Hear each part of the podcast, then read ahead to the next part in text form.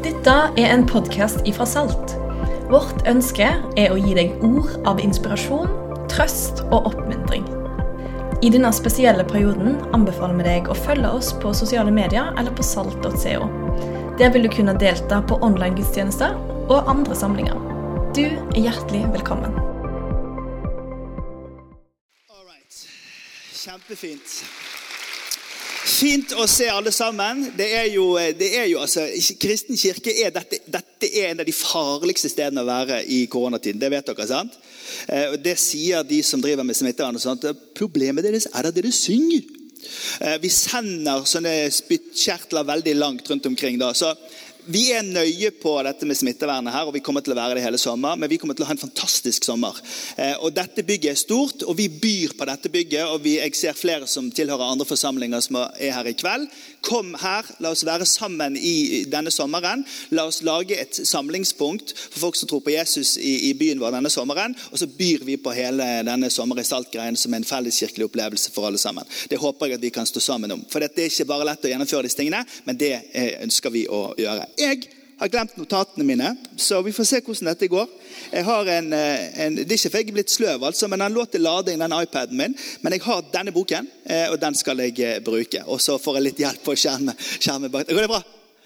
Jeg har jo gledet meg veldig, veldig lenge. Den tingen jeg frykter mest med meg sjøl, det er sånne øyeblikk som dette. For akkurat nå så syns jeg det er altså så gøy at jeg er på et kristent møte, og jeg taler. at jeg må holde igjen nå, sånn at dette blir respektfullt og ordentlig. Så nå skal vi være alvorlige. Hvis vi får opp første bilde på veggen her, så er dette bildet av en huske. Hva heter det, hva heter det nede i Sunnhordland? Er det Reila? Og så, hva heter det på, i Kristiansand? Ronse. Det er det rareste ordet. Og på, og på Østlandet heter det Huske. Og her i Bergen heter det Disse. Det er et fett ord. Skal vi ut og disse? Ja disse på og sånn. Dette er et fantastisk bilde. Jeg, jeg fikk lov til å være med og starte denne kirken her i 2004. Det er mange år siden. Og Da var det slik at Jeg hadde fått lov til å studere teologi ganske mange år. Og Hvis du har gjort det i våre typer religiøse kretser dette er ikke, Jeg vet ikke om det blir podkast av dette heller. Det kan gå skikkelig galt hvis det blir det. Så dette blir i, i, i, rommet. Eller du kan fortelle det videre til folk, men ikke si jeg har sagt det. Eh, I den slekten jeg har vokst opp i, så er det litt sånn at eh, du, du skal ikke ha for masse sånn der kunnskap og, og skoletanker. og for mange, Du skal ikke sitere for mange bøker, og sånn, for da er det på en eller annen måte ikke helt sånn skikkelig åndelig nok. da. Eh, og, og, det der greiene der protesterte jeg imot. Jeg er overbevist om at Gud har gitt oss en hjerne og et hjerte.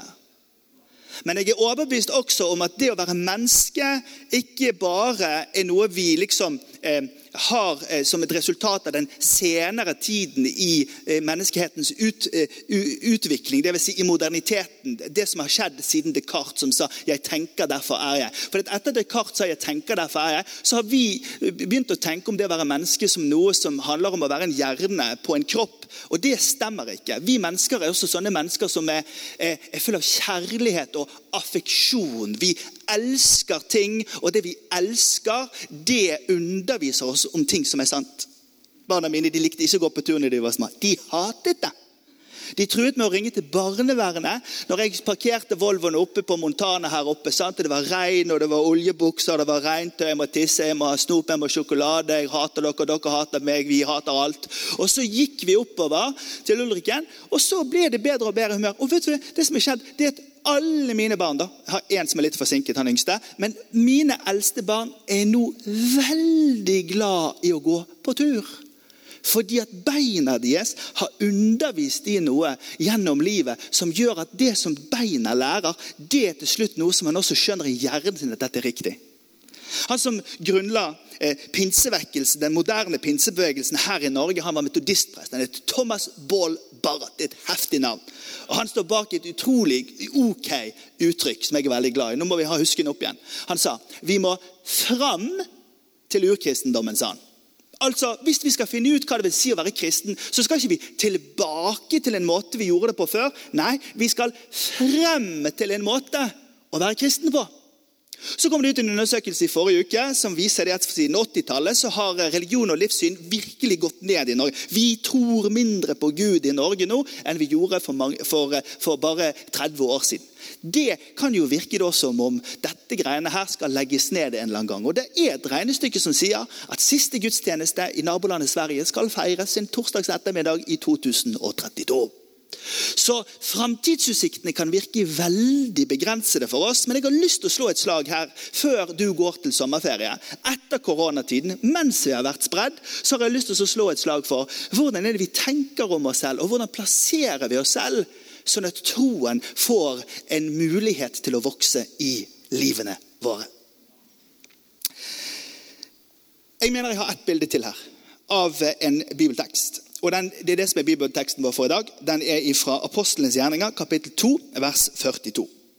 Det står De holdt seg trofast til apostlenes lære og til fellesskapet og til brødsbrytelsen og til bønnene. Hver og en ble grepet av ærefrykt, og mange under og tegn ble gjort av apostlene. Dette er første dagen, dette er på kirkens fødselsdag. Alle de troende holdt sammen og hadde alt felles. De solgte eiendommene sine, og de delte ut det de ellers eide. Det delte de ut etter hvert som folk trengte det. Hver dag holdt de trofast sammen på tempelplassen, og i hjemmene brøt de brød og spiste sammen med oppriktig og hjertelig glede. Og de sang og de lovpriste Gud, og de var godt likt av hele folket. Og hver dag la Herren til nye som lot seg frelse. Jeg elsker denne teksten, fordi den er et bilde av hvor fantastisk det kan være. Og vet du, Av og til på tøys når vi har sånne barnevelsignelser her i kirken, så kommer barna fram og foreldrene, og så sier jeg til menigheten, når jeg holder barnet, så sier jeg nå må vi huske på det, dere, at uh, dette barnet som skal få vokse opp i denne kirken, skal få lov til å tenke at vi er engler, vi som er i denne menigheten, for de vil tidsnok finne ut at vi ikke er det. For greien er den dere, at ting er ikke et ideal hele livet. Og denne, her, den, denne fantastiske beskrivelsen av en menighet den, den, har et bilde med seg som jeg har lyst til å holde høyt. Jeg har lyst til å si til oss i 2020 jeg har lyst til å si, en sånn menighet har jeg lyst til å ha med Jeg har lyst til å plassere livet mitt i en kirke med noen folk som har disse verdiene. og Det er det jeg skal snakke om i løpet av de neste minuttene. Det er det at Der du plasserer livet ditt, der vil du også bli påvirket. Jeg har tatt med et bilde her av en person. Dette er et menneske. Eh, temmelig eh, ja, Om det er gutt eller jente, det vet jeg ikke, men det er ikke så nøye nå for tiden. Sånn at dette er et menneske. Eh, og dette mennesket, Tenk gjerne på din venn. Og dette mennesket er nå helt alene.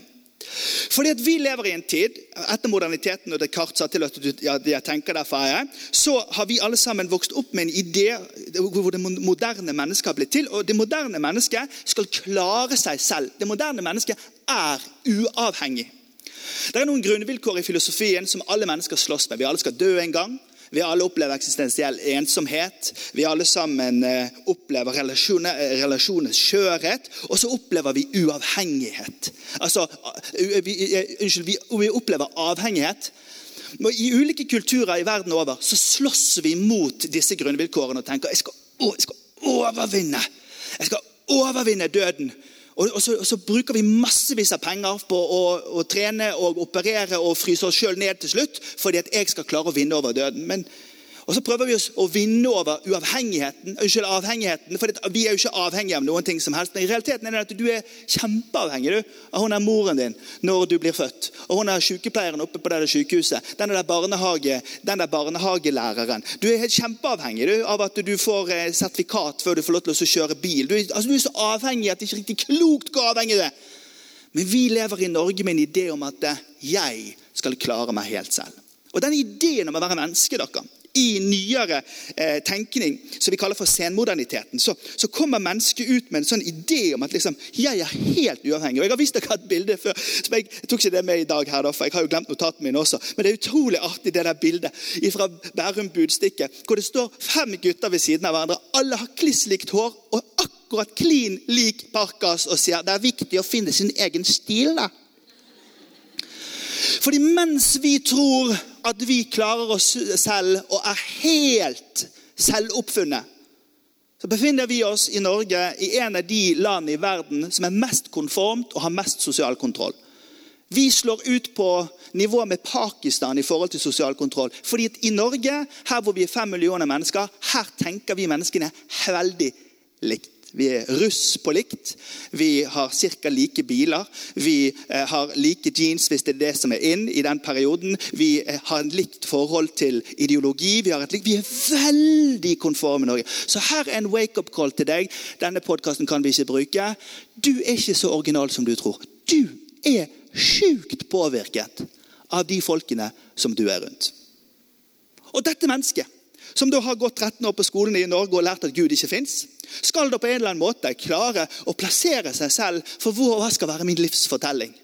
Og det er klart at jo, du, du er jo det du sveiper også. Du er jo ikke bare det du elsker, du er det du sveiper. Du, du, du er jo det du ser på også. For det er klart at da Jeg spurte min eh, yngste sønn hva snakker dere mest om angående TV. For når jeg var liten, så snakket vi alltid om det som skjedde på onsdagskvelden på TV. Vi snakker om det som skjedde på Farmen. Altså er det noen som snakker om det som skjer på Paradise, men det får ikke jeg lov til å se på, så det har ikke jeg sett på. Og jeg tror han i Jesu navn. Fordi det er så utrolig mange fortellinger som vi kan lene Jeg kan, jeg kan bli sånn idrettsdud så kan det bli sånn her finansdude. Eller så kan det være sånn det er kjempeflink interiørdude. Eller så, nå sier jeg dude på alle, for det er litt kjønnsløst. akkurat dette bildet her. Altså, Jeg kan bli den fortellingen som attraherer meg. Men det som skjedde denne dagen i Jerusalem, det var det at Peter reiste seg opp og så sa han at det fins en som heter Jesus.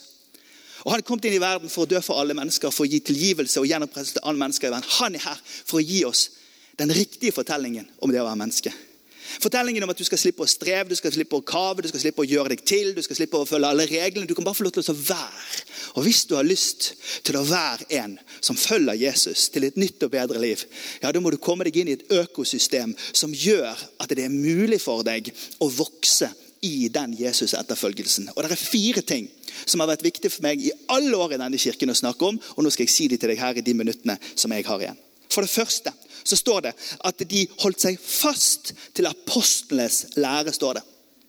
Og Da henger jeg opp en liten bok der for å si til deg at i vår kirke så forkynner ikke vi lederskapsprinsipp. Vi, eh, vi forkynner heller ikke det siste fra forskningen til noen av disse her eh, ph.d.-folkene våre som har hjerner så store som høyhus. Fordi vi vet at det som gir kraft og liv, det er det som Guds levende ord sier. Denne boken her er ikke en bok blant bøker. Dette er bøkenes bok. Dette er Guds levende ord. Og det han har sagt er at Som regnet kommer ned fra himmelen og ikke vender tilbake igjen dit det kommer fra, så skal mitt ord bære frukt i deres liv. Han sier til oss at disse ordene de skaper i oss, de gir oss liv. I denne koronatiden jeg har kost meg sånn med denne boken. Jeg håper du har gjort det samme. For Når du dykker ned i en setning som bare eksploderer med mening og dybde, da bare kjenner man i hjertet sitt at ja, det er sant. Det er sant dette at han elsker meg. Og vet du, Jeg er en bedre meg når jeg er i det ordet. Og Det står at de holdt seg trofast til apostlenes lære. Vi tror ikke at vi skal komme på kule ting å si på gudstjenestene våre. Vi er veldig opptatt av at det vi sier, det er det som står i denne boken. her. Og Når det kommer til en smågruppe i vår kirke, så snakker ikke vi om talen. Vi snakker om teksten fra den talen. Fordi vi er overbevist om at det som dette ordet sier, er liv og kraft for oss. Dette er utrolig viktig for meg å si. I Edens hage når verden begynte, eh, tilblivelse var her. Og Så kan du tenke deg om det du vil, om framstillingen av en slange som snakker til en naken kvinne i en park. Men greien er den at eh, den onde sier 'Har Gud virkelig sagt?' Og vi er fortsatt der i dag. Vi er fortsatt der i dag i år 2020 hvor folk stiller spørsmål er det så viktig å høre på det ordet. Svaret er ja. Har du forstått det ordet riktig? Vi har ikke alltid forstått alt riktig. Vi forstår stykkevis og delt, men vi har bestemt oss for at vi vil lytte lytte til det som Guds ord sier. Og Så får du et sånt lykkebarometer etter Corona Times i Norge, og så er vi jevnt over mindre lykkelig. Og så sier filosof Vettelsen på Universitetet i Oslo om disse nye ordene om økologisk depresjon og økologisk angst. Og så sier vi at den generasjonen som vokser opp på denne siden av 2000-tallet, og som finner livet Ikke én generasjon etter krigen har i Norge opplevd at de er på vei til en verden som er dårligere. Alt har vært oppoverbakke og, og, og, og positivt. Men nå har vi en generasjon som spør er det vits i å få barn. Er det, er det, er, burde vi flytte på landet? Eh, alt kommer til å gå til H likevel. Og så tenker jeg med meg sjøl Det spørs jo hvem du hører på. De holdt seg urokkelig fast til apostlenes lære. Og Jeg ber deg inn mot denne sommeren hvis du ønsker å bli forvandlet i ditt liv, så får du deg et forhold til denne boken. her. Og Jeg utfordrer deg så mye som dette. Jeg ber deg om å ta seks minutter. Hvis, du har null bibellesning, så ber jeg deg om at du begynner med seks minutter. Og så ber jeg deg om at du setter kalenderen din på til at om tre uker så går du til tolv. Og så forsøker du å øke muskelen på din bibellesning. For vi kan, vi kan chugge ned Netflixer, for vi er jo det vi sveiper. Men vi sitter jo allikevel der og sier vi tviler på Gud. Men hvis du kjører Breaking Bad liksom mens du spiser ostepop, og, trykker på med det, og lar tvilstankene vokse i hodet, så er det ikke så rart at du tviler. For troen kommer av forkynnelsen, og forkynnelsen kommer av Kristi ord. Dette ordet lever. Det er sterkere enn noe tveget sverd. Det er skarpt. Det trenger igjennom og hjelper oss å forstå hvem vi er, hva vi tror på, hva vi er overbevist om. Det ordet her, Jeg har studert teologi årevis. Jeg har levd med den boken der og teologiske bøker, men jeg trenger det for mitt indre liv. Det mennesket der er påvirket av det ordet. For det andre så får vi lov til å være med på et oppdrag. Eh, moderne psykoterapis far, Viktor Frankel, som jeg og min sønn snakker ganske mye om, han overlevde konsentrasjonsleiren. og Han, eh, han bestemte seg for det at jeg, jeg, er fri, jeg er friere enn de som holder meg fanget her. Jeg er friere enn alle de som holder meg fanget inn i dette rommet. fordi at det, Min frihet er på innsiden av meg. Vi skal alltid være her, sa han. Frihet. Det er noe som vi mennesker har på innsiden av oss når vi vokter grensene våre. Når vi er trygge på det Gud sier til oss 'Du er mitt elskede barn'. Den friheten på innsiden av oss, den bør vi våke. Men vi lever i en gevinstkultur. ikke sant? Og når jeg startet denne kirken her sammen med et team for 15 år siden, så var jo det mange som skrev de sånn i avisen så liksom, Utbryteren og ambisjonen og entreprenørpastoren og sånne ting. Så jeg, Unnskyld, jeg beklager at jeg oppfattes på denne måten. Jeg kan ikke hjelpe for det. Eh, dette er Øystein sin karriere. Og jeg, bare, jeg ble så lei meg. Jeg ringte til en venn i Oslo og sa liksom, hvorfor er folk så slemme med meg bare for å prøve å bygge en menighet. Vi lever i en karrierekultur og folk tror at du har trengt å gjøre kristen karriere, så jeg det det siste jeg hadde gjort. Men vi lever i en karrierekultur. Og vi lever i en gevinstkultur. Og den generasjonen På denne siden av 2000-tallet så har vi kalt noe generasjon og prestasjon så lenge. og Den generasjonen der den strever ikke bare med å være flink i idretten og være flink på skolen og se pen ut og få til de ulike tingene, men den generasjonen strever også med sin tro. Fordi plutselig er tro blitt noe som jeg er nødt til å prestere. Og Hvis du er en av de her i kveld, så har jeg lyst til å bare sette dem fri i Jesu Kristi navn. Du skal ikke prestere noen ting for han. Han har gjort alt for deg. Så at du kan få lov til å være med på det som han gjør. Viktor Frankel han fikk besøk på kontoret sitt av en, av en mann. Han var så lei seg fordi konen eh, var død. Og Hun hadde dødd, og han var helt bunnløs. Han hadde ingenting igjen å leve for. Han var i bunnløs sorg. Og Så sier Viktor Frankel til denne mannen Hvis det var hun som var her i dag, eh, hva tror du hun ville sagt eh, til deg? Nei, Hun ville nok sagt eh, reis deg opp og gå ut og lev livet. Tenk så fantastisk det er at du har stelt henne nå inn til døden. Og, og, og den betydningen du har, har, har hatt for henne. Du, du, er virkelig en betydningsfull mann. Så reiste han seg opp, takket for samtalen og han så han aldri igjen. Og Viktor Frankele sier følgende Når et menneske finner mening i sin tilværelse, så vil det mennesket finne kraft til å leve. Og Det som skjer med den som er troende, denne personen på bildet her, som kommer inn i et kristent fellesskap, det er at plutselig blir det flere ting å leve for. Plutselig så ser for Jesus sier at du skal elske Herren i Gud og hele hjertet, og så skal du elske de neste som deg selv. Det er så mange mennesker som i det øyeblikket de kom til troen på Jesus, så så de at det var en fattig borte i gaten som de kunne hjelpe.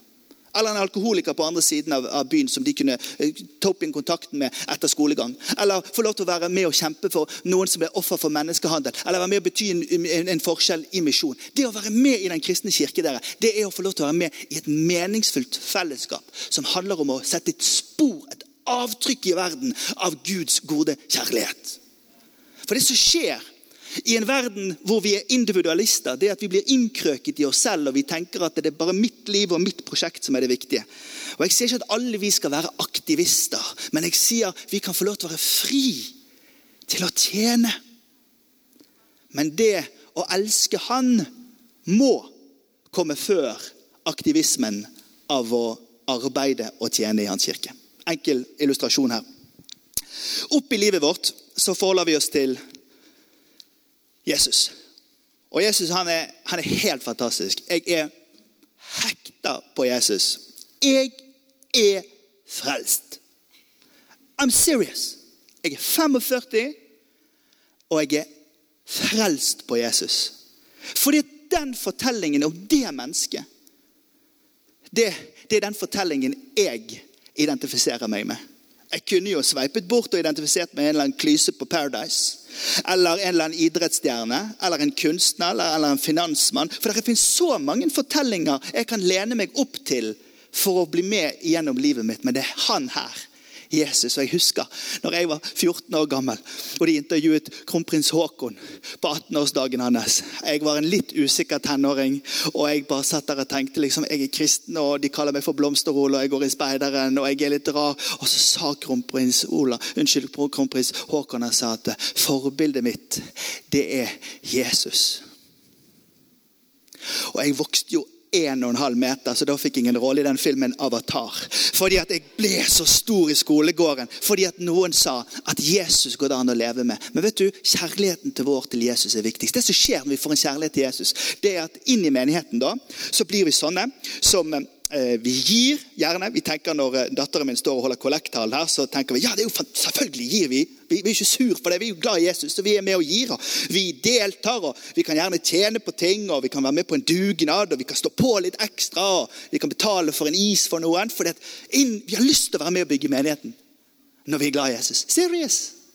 Og, så, og ut da, på, på kantinen på jobben eller eh, på studiestedet, ja, så har vi lyst til å fortelle litt. Ja, 'Hva gjorde du i helgen?' 'Jeg skal fortelle deg hva jeg gjorde i helga.'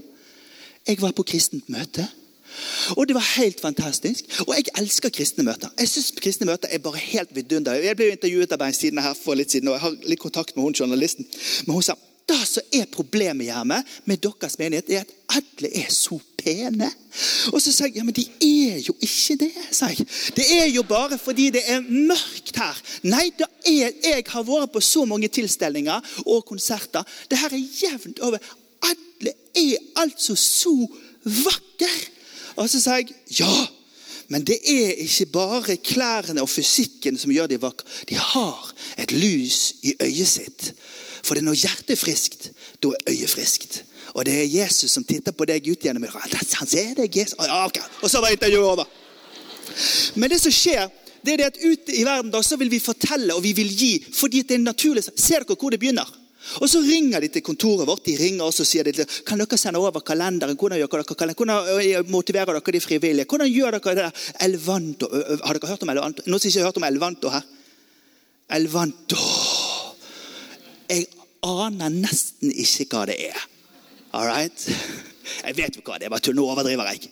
For det er veldig viktig for oss. Elvanto. Men det er så veldig mye organisatorisk greier som folk tror kan løse det. Men jeg sier Elvanto, XL, fri, frivillig medarbeiderkurs, kurs om ditt og datt og trosopplæring og apologetikk og tros... Alt det greiene der er nonsens hvis vi mister Jesus der oppe. Få høre.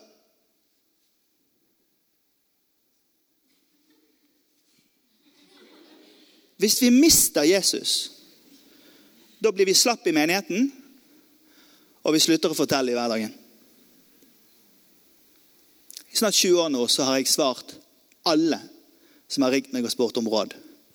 Akkurat det. Ja, Men det er jo ikke de tingene der som er det viktige. Det viktige det er jo det at kjærlighetens flamme begynner å brenne her inne. At jeg forstår meg sjøl tilgitt.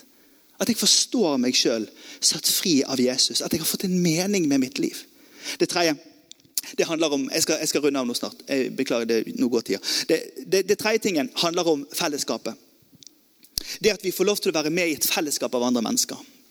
Jeg kan gå gjennom, gjennom Bergen en, en, dag det er brannkamp, eller en dag det er 17. mai, eller en eller annen tilstelning, og jeg kan se, jeg kan se de som står langs den veggen der, de er kristen, og de der er ikke kristen. Og det er ikke fordi jeg prøver å se hvem som ikke er kristen.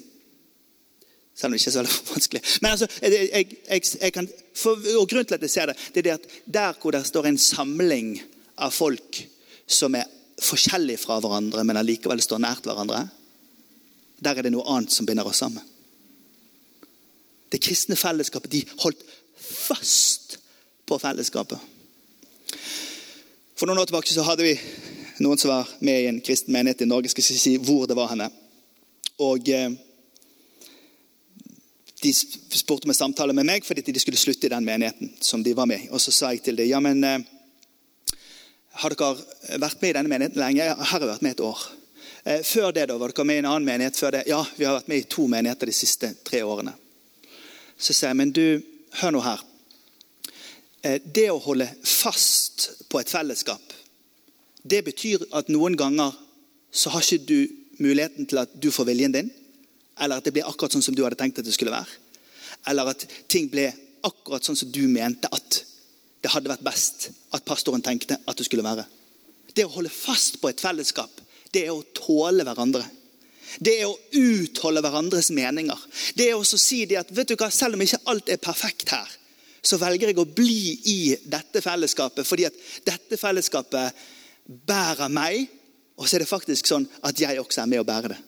Og Nå vil jeg at du skal tenke på, på han eller hun som står i midten der. Denne personen som var helt alene og klarte seg helt selv i kampen mot avhengigheten. For jeg skal ikke påvirkes av noen andre fordi at jeg skal finne ut av alt helt selv og finne min egen stil. Mens man går kledd i kliss like klær som alle de andre og har helt samme utdannelse som de andre og ser på de samme TV-kanalene og bor i et land som har like stor konformitet som Pakistan. Hello! De holdt fast på apostlenes lære, et oppdrag som var betydningsfullt, et fellesskap mellom de troende, og til slutt denne flammen som brant i hjertet. Før jeg kom hit i dag, så eh, forberedte jeg meg. Forberedte meg i uken også. Forberedte meg i dag. Bare en time før jeg kom hit i dag. I stuen hjemme. Sønnen var inne og spurte vil ha kaffe, så jeg bare kjørte på videre. Fordi dette her er et åndelig byggverk. Fordi det, det, det fins en bønn som kan forandre verden. Vi tror på bønnens kraft. Og så tror vi at det å bryte et brød i tiden i 2020, når vi knekker nattverden og deler den, Jesu blod, Jesu kropp, så er det en reell, substansiell utøvelse av vår tro, og det setter spor i hjertene våre. Og Jeg har kranglet med folk og jeg har kranglet med mine barn. og De ville ikke gå på Ulrikken, og det regnet, og vi ringer barnevernet. Men nå, etter noen år, så går de på tur helt for egen maskin. Fordi at hjertet deres og føttene deres har lært hjernen din noe som er viktig for livet. Dette, dere, mennesket her, fikk ikke stå upåvirket men nettopp fordi denne personen fikk lov til å komme inn i et kristent fellesskap, hvor påvirkningen pekte på Jesus. Misjonen til Jesus var viktigst. Fellesskapet mellom folk som er glad i hverandre og bryr seg om hverandre, det preger. Og så ber vi til Gud sammen. Jeg husker en gang jeg var på en smågruppe, og så, og så var det en som takket Jesus fordi at, fordi at, de akkurat hadde fått barnehageplass. Og så var det en ny kristen som satt på smågruppe sa Hedda Wold, kan vi spørre om sånt? Altså, heter, altså ja, ja, da! Vi kan spørre Jesus om hva Tuller du? Og denne generasjonen her, kanskje mange av dere som er i dette rommet her, du vet, Hvis du gjør din religionsutøvelse til et søndagsrom, ja, så har ikke Jesus noe bestemmende å si om barnehageplasser eller utdannelse eller relasjoner eller mening. Men Da blir det bare syng disse sangene og hør på disse talene og gå ut og være sosial. Men det å være en kristen kirke handler om å gå fram til urkristendommen. Det handler om å dra opp disse kildene som er dype og lange. Og jeg lover deg en ting. Jeg kommer til å kjempe for den kristne kirke i dette landet resten av mitt liv. For det handler ikke. Det handler, altså Undersøkelser som sier at vi som ser på de samme TV-kanalene og leser de samme avisene og bor i et sekulariseringsprosjekt ved iskanten til Nordpolen og fem millioner mennesker som mener oss å ha skjønt det meste og som har sosial kontroll på nivå med kan jo umulig være sannhetsberegnende for den evige Guds plan om å sende sin sønn Jesus Kristus inn i verden. Og skape et nytt Eden, menigheten. Hvor mennesker skal få lov til å komme sammen og høre Guds levende ord talt så de blir satt fri. Få lov til å komme inn i en meningsfull en meningsfull, en meningsfull Det minnet meg om den bibelhistorien når Samuel er i tempelet. Hørte dere det jeg hørte? Rebekka, de kan ikke den bibelhistorien om eh, Samuel. Da kan du preke neste gang. Hæ? Nå mistet jeg trådene. Gud skaper et nytt Eden, et, et, en, menigheten.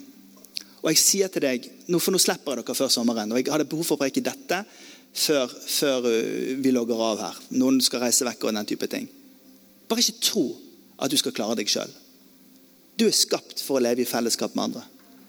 Og Gud har ment at den kristne kirken skal være et Edens hage. Den skal være et sted hvor vi skal få lov til å blomstre. Ta til deg av Guds ord.